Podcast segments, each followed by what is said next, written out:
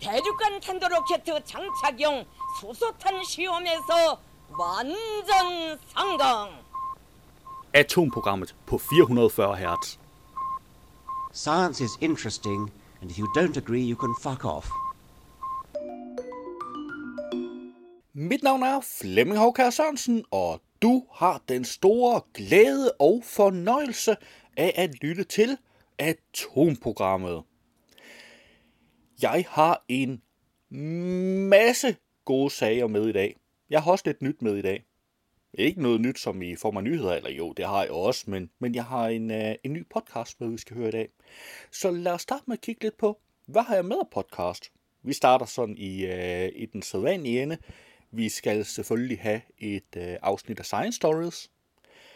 Biodiversitet og masseuddøen. Ja, det er da et muntert emne, er det ikke? Det er i øvrigt en, en øh, genudgivelse af en ældre podcast, men absolut stadig værd at, øh, at lytte til. Det er nok også derfor, jeg har genudgivet den. Derudover så har jeg en, uh, en der har været dvale. Det er videnskab.dk's Våg at vide. Den har været dvale i et, øh, i et stykke tid, og den er nu vågnet op af dvalen her til foråret. Og det var som sagt Våg at vide, og den haster handler om plastikmolekyler, der skal hjælpe immunforsvaret med at opdage kræft. Ja. Øhm. Og hvis vi bliver ved videnskab.dk, så har vi øh, denne sæsons sidste afsnit af Brainstorm.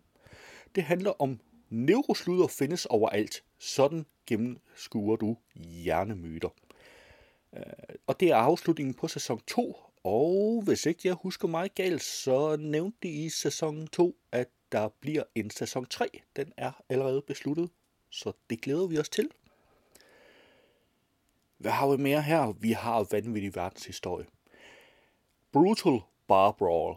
Den handler om et et værtshusslagsmål, faktisk fuldstændig som, øh, som titlen siger. Og så stak det lidt af derfra. okay, det stak ikke lidt af derfra. Det stak rimelig meget af derfra. Og øh, altså videnskabelig udfordret. Jeg har vist øh, tidligere nævnt, at det måske burde hedde videnskabelig uredelig, fordi øh, nogle af de der, øh, de der ting, de fortæller om, de ligger altså lige på grænsen af, at øh, jeg vil nok sige, jeg vil også sige, de ligger lige over grænsen for, hvad der er videnskabeligt uredeligt.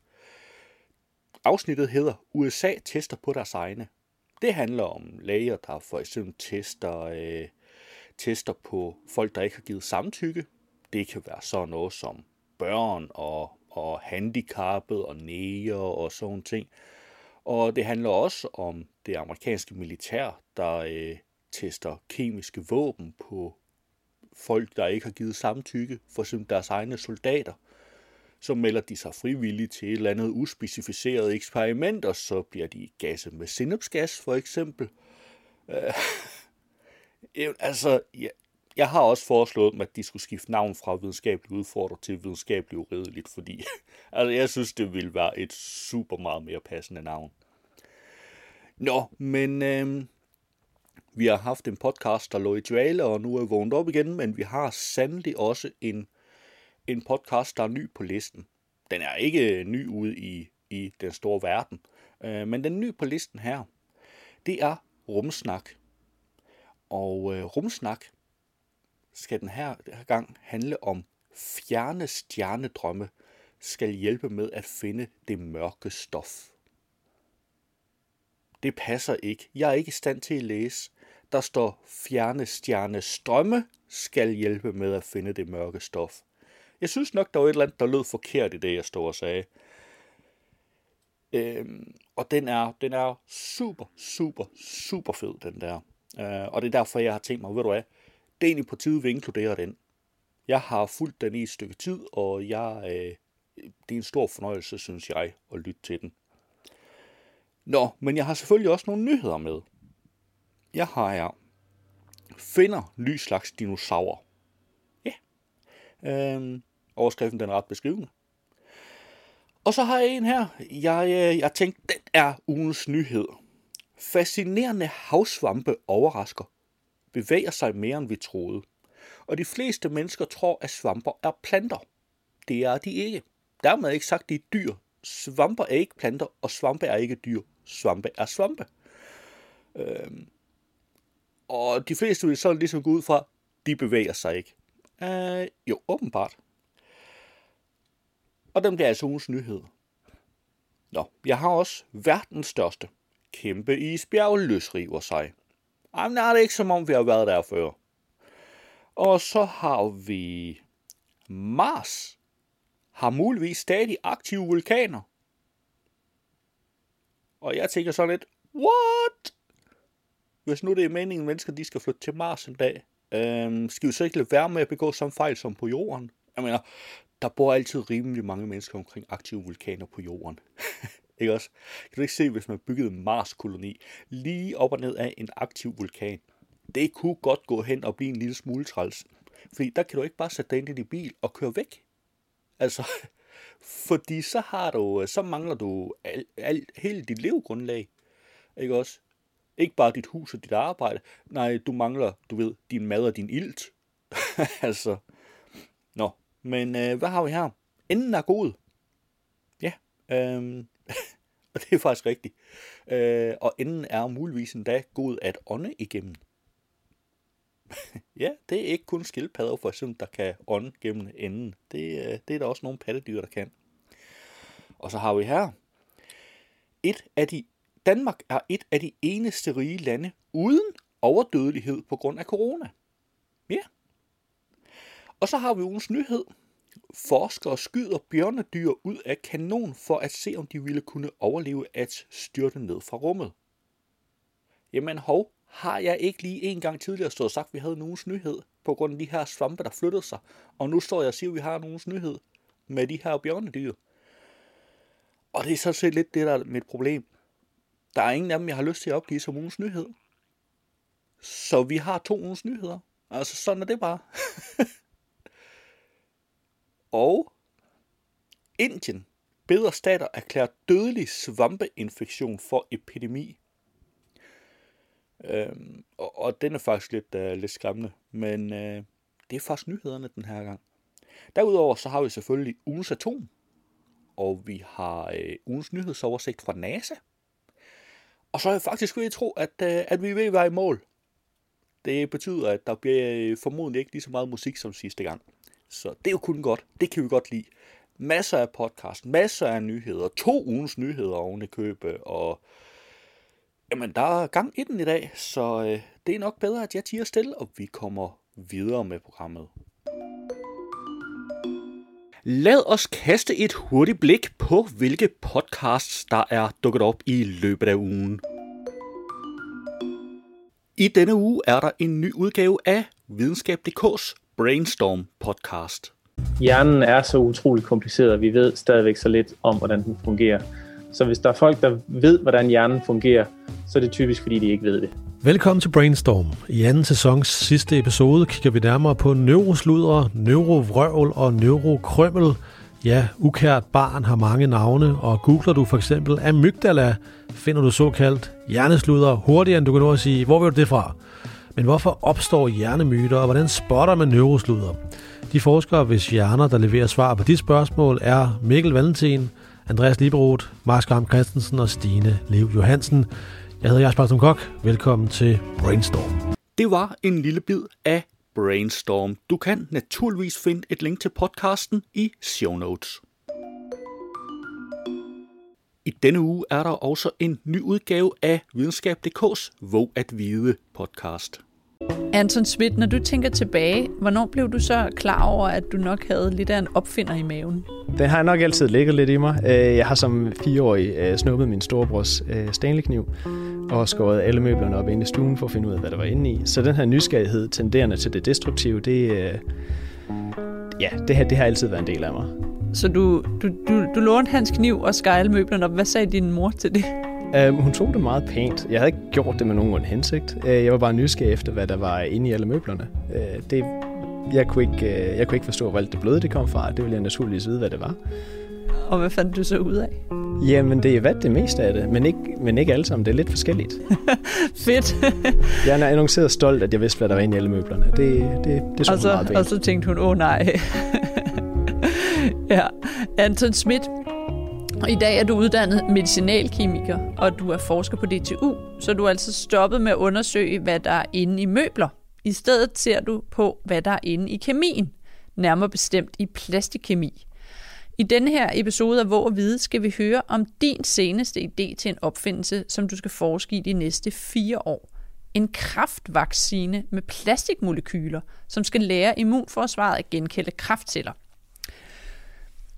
Hvordan i alverden det nu skulle kunne lade sig gøre, skal du fortælle os meget mere om i denne her podcast. Mit navn er Marie Barse. Det var en lille smagsprøve på Våg at vide, og du kan naturligvis finde et link i show notes. I denne uge er der også en ny udgave af Science Stories podcasten.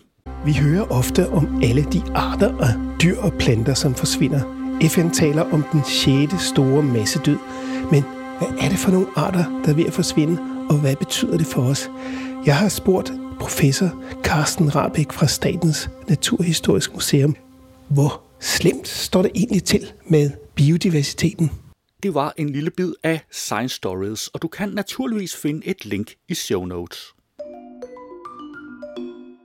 I denne uge er der en ny udgave af Videnskabeligt Udfordret. Velkommen til podcasten om øh, vanvittig videnskab, hvor øh, I, som I nok godt kan fornemme, at vi skal tale om noget lidt ubehageligt i dag. Igen i dag. Du sagde noget om gravid og radioaktivitet, Mark. To Ja. ting, som bare går som øh, hånd i sok Det gjorde de i hvert fald på et tidspunkt, kan jeg love dig for. på et tidspunkt. På et tidspunkt. Der var en gang, hvor de, hvor de gi- hvor, altså, det var hånd i handske at få gravid og øh, radioaktivitet sat sammen. Og øh, radioaktivitet og børn og radioaktivitet og sorte mennesker og radioaktivitet og mental handicappede og radioaktivitet og alt muligt andet. Det har været nogle rigtig gode år i det 20. århundrede. Så det, du siger til mig, det er, at der har været en periode i videnskaben, som ligesom med Marvel, hvor alle superhelte var noget med radioaktivitet, så var alle forsøg også noget med radioaktivitet på et tidspunkt. jeg synes, det er imponerende, at vi kan blive ved med at finde nye forskellige forsøg. For jeg troede egentlig, at vi havde, jeg troede, vi havde dækket alt, hvad der var i det 20. århundrede. At vi var sådan, okay, nu er der, nu vi har en gut, der stikker cancer ind i folk med vilje, og vi har en, der øh, giver sorte mennesker syfilis med vilje, og ditten og datten. Nej, nej, nej, nej, nej. Så finder man simpelthen ud af, at det mest, den mest almene forskning, der har været i det 20. århundrede, det har simpelthen været at stoppe radioaktive ting ind i mennesker. Og se om de blev til superhelte. Det nævner historien ikke noget om. Det var Nå. bare at stoppe ting, at stoppe radioaktive ting. Jeg tror måske ikke, men, men forventede det var det, der skete. Jeg ved ikke, har jeg, ly- har jeg lyst til at sige, at jeg glæder mig til at høre det? Det tror jeg. Jeg tror, jeg tror det, skal, det, bliver, det bliver meget godt. Det bliver meget godt. Okay, okay. Nå, men øh, hvis det går godt nok, så skal jeg tale om øh, dengang den amerikanske hær testede sennepsgas på deres egne soldater. Ja. Så det overordnede emne i dag. Jeg har skrevet ned, at det er, når USA mangler forsøgspersoner. Fordi det er lidt det, jeg kom frem til efterhånden. Til at starte med, så øh, tror jeg, at vi fik sagt, at vi havde forventet, at det skulle være noget med, når den amerikanske hær, de tester på deres egen. Øh, men det er gået op for mig, at alt i USA, der er offentligt, det har noget med militæret at gøre. På en eller anden måde. På en eller anden måde, så er det noget militæret at gøre. Det vender altid tilbage til militæret. Ja, så øh, jeg tog simpelthen, og så stak af, og så sagde, det skal bare være, når hele USA, de mangler forsøgspersoner. Hvad Oh. gør de så? Der er altid løsninger, Mark. Der, er, der er nemlig lige præcis altid løsninger, Flemming. Det var et lille klip af Videnskabeligt Udfordret. Du kan finde et link i show notes. I denne uge er der en ny udgave af historiekomedy-podcasten Vanvittig Verdenshistorie. Nå, Peter, vi skal ind i dagens historie, for det er mig, der har, det er mig, der har mm. øh, haft den her liggende på, øh, på fag rigtig ja. længe. Og det er, faktisk en, det er faktisk et lytterforslag fra Philip Frost Madsen, så tusind, tusind tak for det. Vi skal ind i en historie i dag. Vi skal ind på et område i dag, som vi, vi tidligere har været i berøring med. Øhm, Okay, ja. Men det vi skal i dag, det er, at vi skal et godt stykke tilbage i tiden. Øhm, Det er noget, vi har været i berøring med før, ting, der skete for lang tid siden. det er det. Men det vi skal snakke om i dag, det er et godt gammeldags barslagsmål. Sådan. Ja. Men det er ikke et hvilket som helst barslagsmål. Fordi det er sådan et, et, et, et slagsmål, som ligesom stak en smule mere af, end man lige sådan umiddelbart skulle tro. Ah, For vi skal snakke lidt om de legendariske St. Scholastica Day riots i 1355. fedt, som jo også er kendetegn ved, at du ikke kan sige det, når du er fuld. Saint, Scholastic, uh, Saint Scholastica's Day er utrolig svært at udtale, hvis du har, hvis du har drukket af den gode forfadet, kan man sige. Det lyder faktisk som om, at det er et navn, der er fundet på af en, der var fuld. Det er Jean Skalas. Præcis. Vi, vi skal nok komme ind på, hvem hun er. Du skal ikke rette sæt. Skal du have et par på hovedet? Præcis. Og det er cirka sådan, vi starter faktisk. Det var et lille klip af vanvittig verdenshistorie. Du kan finde et link i show notes. I denne uge har vi også en ny udgave af Rumsnak. Velkommen til Rumsnak, en podcast om rumnationen Danmark og de danske rumaktiviteter inden for både forskning og forretning. Mit navn er Tina Ibsen. Jeg hedder Anders Høgh Nissen. Spænd selen og start nedtællingen. Vi er klar til affyring. One, zero, and liftoff. All right, uh, liftoff, and the clock has started. Velkommen til Rumsnak, hvor vi denne gang skal tale om mørk stof. Ved, den er mystiske substans, der udgør godt 26% af vores univers, men som man ikke rigtig kan se direkte eller røre ved. Vi har i en tidligere episode jo talt med Sten H. Hansen om samme emne, altså mørkt stof, men denne her gang, der kaster vi os over det usynlige materiale fra en helt ny vinkel. Ja, for i stedet for at kigge på de her små partikler, som man tror mørk stof er, så skal vi helt ud i universet på stor skala. Det skal vi sammen med Sarah Pearson, som er Hubble Fellow på New York University, og hun arbejder med mørk stof og såkaldte stellar streams, altså stjernestrømme. Og hvis du nu sidder derude og tænker, stjernestrømme, hvad i alverden er det for noget, så er jeg ret sikker på, at du ikke er alene. Det var i hvert fald nyt stof for mig. Men spændende er det, det kan jeg love. Og vi glæder os til at komme i gang, så lad os kaste os ud i det. Jeg hedder Anders Høgh Nissen. Og jeg hedder Tina Ibsen. Velkommen til. Det var et kort klip fra Rumsnak, og du kan naturligvis finde et link i show notes. Det var et overblik over ugens podcasts. Ugens nyhed, den første af den, har jeg her fundet på videnskab.dk. Det har jeg i øvrigt også med den anden. Men den første er, fascinerende havsvampe overrasker, bevæger sig mere end vi troede. Selvom spor af liv var præcis det, de tyske biologer ledte efter i det arktiske dybhav med deres fjernstyrede ubåd, blev de alligevel noget overrasket over, hvad de fandt. Meter lange spor på havbunden nærmest stier til syneladende lavet af nogle nærliggende og eller stationært udseende havsvampe, som måske er noget mere mobile, end vi hidtil har antaget. Havsvampe er nogle af de ældste organismer, der findes, og har hverken muskler eller andre organer, som antyder, at de kunne bevæge sig rundt. De betragtes derfor som stort set stillestående livsformer. Biologer er dog i de senere år blevet opmærksom på, at svampene har begrænset bevægelighed, som de opnår ved at sammentrække og udvide deres krop, hvorved de meget, meget langsomt kan flytte til nye områder for at finde mad og mager. Dog har det altid været et spørgsmål i hvor høj grad svampene selv bevægede sig rundt, frem for hvor meget af deres færden, der kunne tilskrives havstrømme og tyngdekraften. De nyopdagede svampespor var så dybt nede, at der ingen stærk strøm var, og aftrykkene gik i visse tilfælde op ad bakke mod tyngdekraften, hvilket antyder, at svampene selv bevægede sig rundt. Forskerne beskriver i studiet, hvordan svampesporene sporene var dækket af såkaldte spikler, små strukturer, som normalt danner svampens indre skelet, men som lader til at blive aflejret på havbunden, når svampene bevæger sig. Stier af tæt sammenflettede spikler, forbundet direkte til undersiden eller de lavere flanker af individuelle svampe, antyder, at disse stier er spor på øh, motilitet, altså bevægelighed hos svampene, skriver forskerne i studiet ifølge Science Alert. Disse spor blev observeret som værende flere centimeter høje og lejlighedsvis mange meter lange, ofte forbundet direkte til en levende svamp. Forskerne spekulerer på, om de aflejrede spikler måske er en næringskilde for andre og yngre svampe, en slags brødkrummespor i det ellers golde arktiske dybhav, men det vil videre forskning vise. Og du kan naturligvis finde et link til artiklen i show notes. Ugens nyhed nummer to. som også er fundet på videnskab.dk, ligesom den første.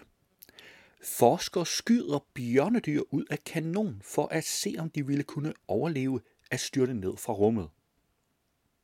Du godeste. Nå, bjørnedyr må finde sig lidt af hvert.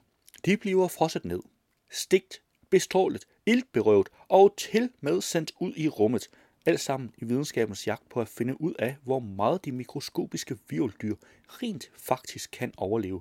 Og de overlever det meste. Senest har forskere, hvilket de beskriver i et nyt studie, skudt bjørnedyr ud af en kanon for at afprøve, om de kan overleve voldsomme sammenstød ved høje hastigheder. Hvis det lyder som en underlig brug af tid og ressourcer, så fat mod. Forskningen har betydning for både vores egen færden i rummet, men også for vores forståelse for selve livets oprindelse. En af hypoteserne for livs oprindelse på jorden er, at det ankom snarere end opstod, bort af meteoritter eller kometer fra det ydre rum, den såkaldte panspermia-hypotese. Bjørnedyr var også involveret i en raketnedstyrtning på månen i 2019, hvilket fik nogle forskere til at spekulere i, hvorvidt de små dyr kunne have overlevet det, skriver Science Alert. Ligeledes er nogle forskere bange for, at vi kan forurene andre planeter med liv fra jorden. Men meteorer og raketnedslag er voldsomme, og selv bjørnedyr, som kan gå i dvaletilstand, hvor de tør ind og derved kan overleve alverdens ting, ville ikke nødvendigvis kunne klare det. For at simulere meteornedslag brugte forskerne en gaskanon, som kan affyre projektiler med en hastighed på op til 8 km i sekundet, skriver Science Alert. Selve bjørnedyrene, udtørret og i dvale, blev placeret i hule sabotprojektiler og skudt afsted med hastigheder mellem 0,556 til 1,00 km i sekundet mod skydeskiver lavet af sand. Efter affyringen blev sandskydeskiverne hældt i vand for at isolere bjørnedyrene, som derefter blev sat under observation for at se, hvordan de havde klaret strabasserne, skriver Science Alert. Bjørnedyrene, viste det sig, kunne overleve en sammenstødshastighed op til og med 825 meter i sekundet, altså hurtigere end de fleste pistolskud. Disse bjørnedyr var dog længere tid om at genopleve fra deres dvale end normalt, hvilket formentlig betyder, at de havde taget skade. Men ved højere hastigheder blev de stakkels bjørnedyr til bjørnedyr mos ved sammenstød, skriver Science Alert.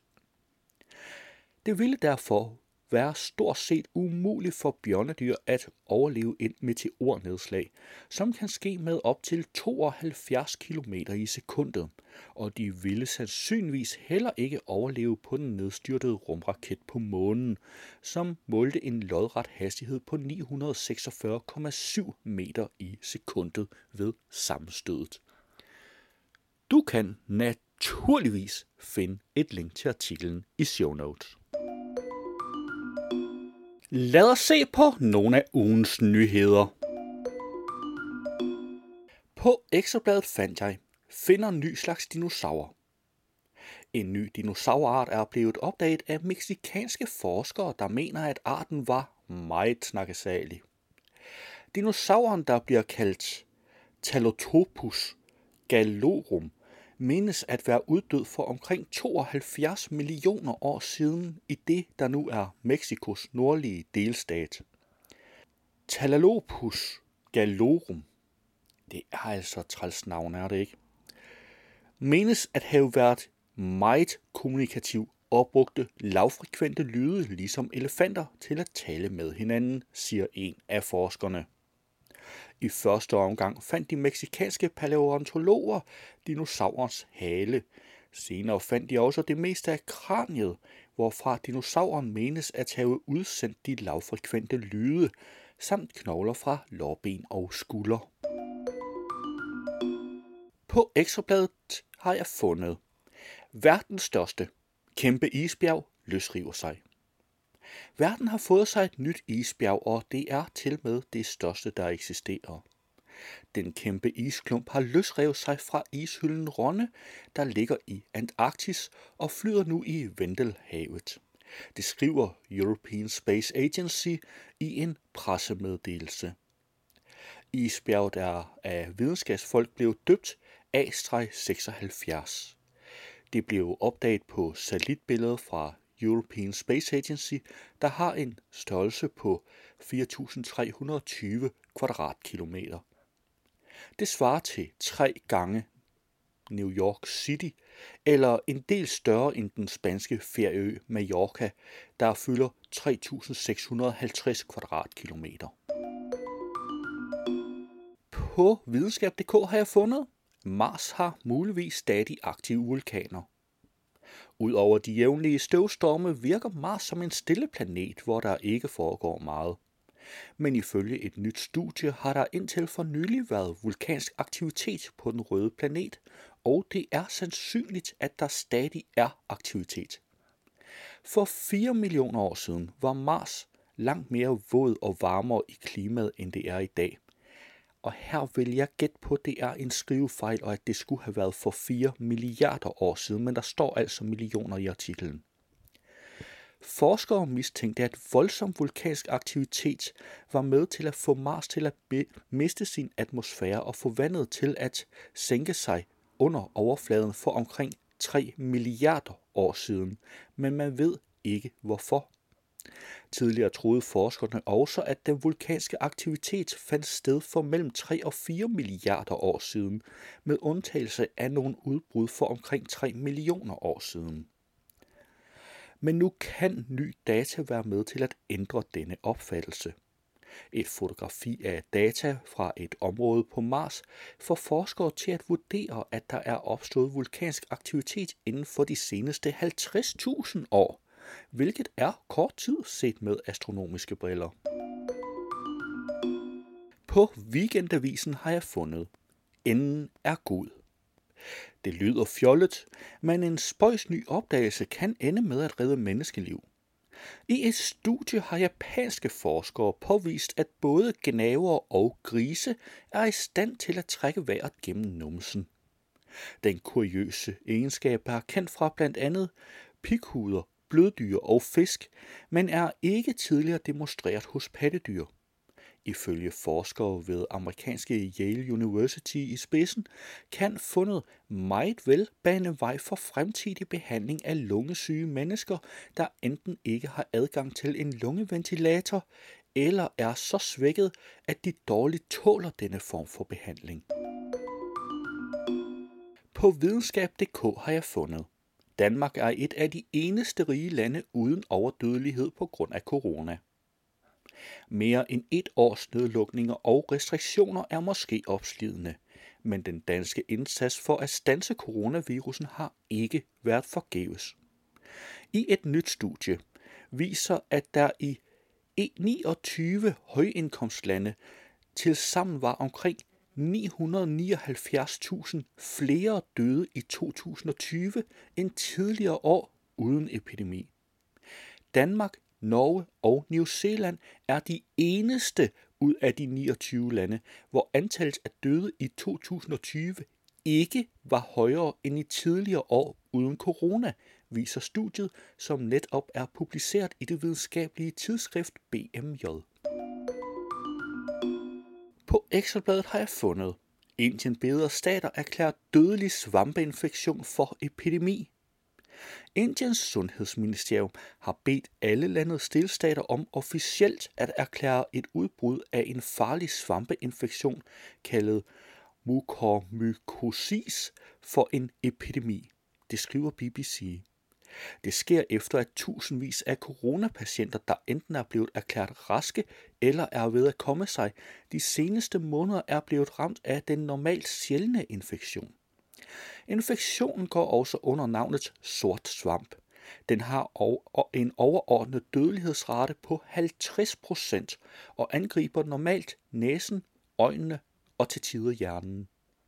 I visse tilfælde kan patienter kun reddes ved at få fjernet et øje eller deres underkæbe, inden den aggressive svampeinfektion når hjernen. Det var ugens nyheder, og du kan naturligvis finde links til samtlige artikler i show notes. Så er vi nået til ugens atom. Ugens atom dengang bliver guld. Guld er grundstof nummer 79 i det periodiske system og har det kemiske symbol AU. Under normale tryk- og temperaturforhold optræder dette overgangs- og edelmetal som et meget tungt, yderst formbart gult metal. Guld har et smeltepunkt på 1064,18 grader Celsius og et kogepunkt på 2856 grader Celsius. Guld reagerer ikke med langt de fleste kemikalier, men angribes dog af klor, fluor, kongevand og cyanid. Salpetersyre, som ellers kan opløse andre metaller, bruges til at bekræfte, om et materiale indeholder guld. Kviksøl kan opløse guld, men stofferne danner ikke kemiske forbindelser med hinanden. Guld er i sin rene form det mest formbare og duktile materiale, der kendes. Et enkelt gram af metallet kan hamres ud til en kvadratmeter bladguld. Det kan gøres tyndt nok til, at det bliver gennemsigtigt. Lys, der passerer det, får et blåt eller grønt skær, da guldet tilbagekaster de modsatte farver, rød og gul. Guld har gennem århundreder været brugt som betalingsmiddel og til smykker, og i nyere tid også til en lang række tekniske formål.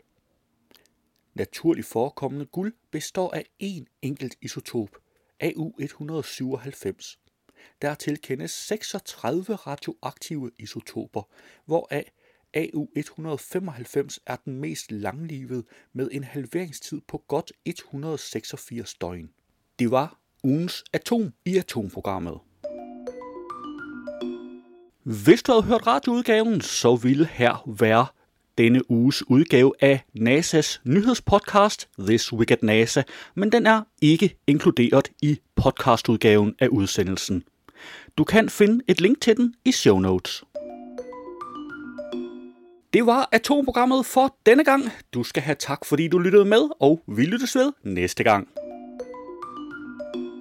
Atomprogrammet er hjemhørende på 440 Hz. Du kan finde mere på 440 Hz.net.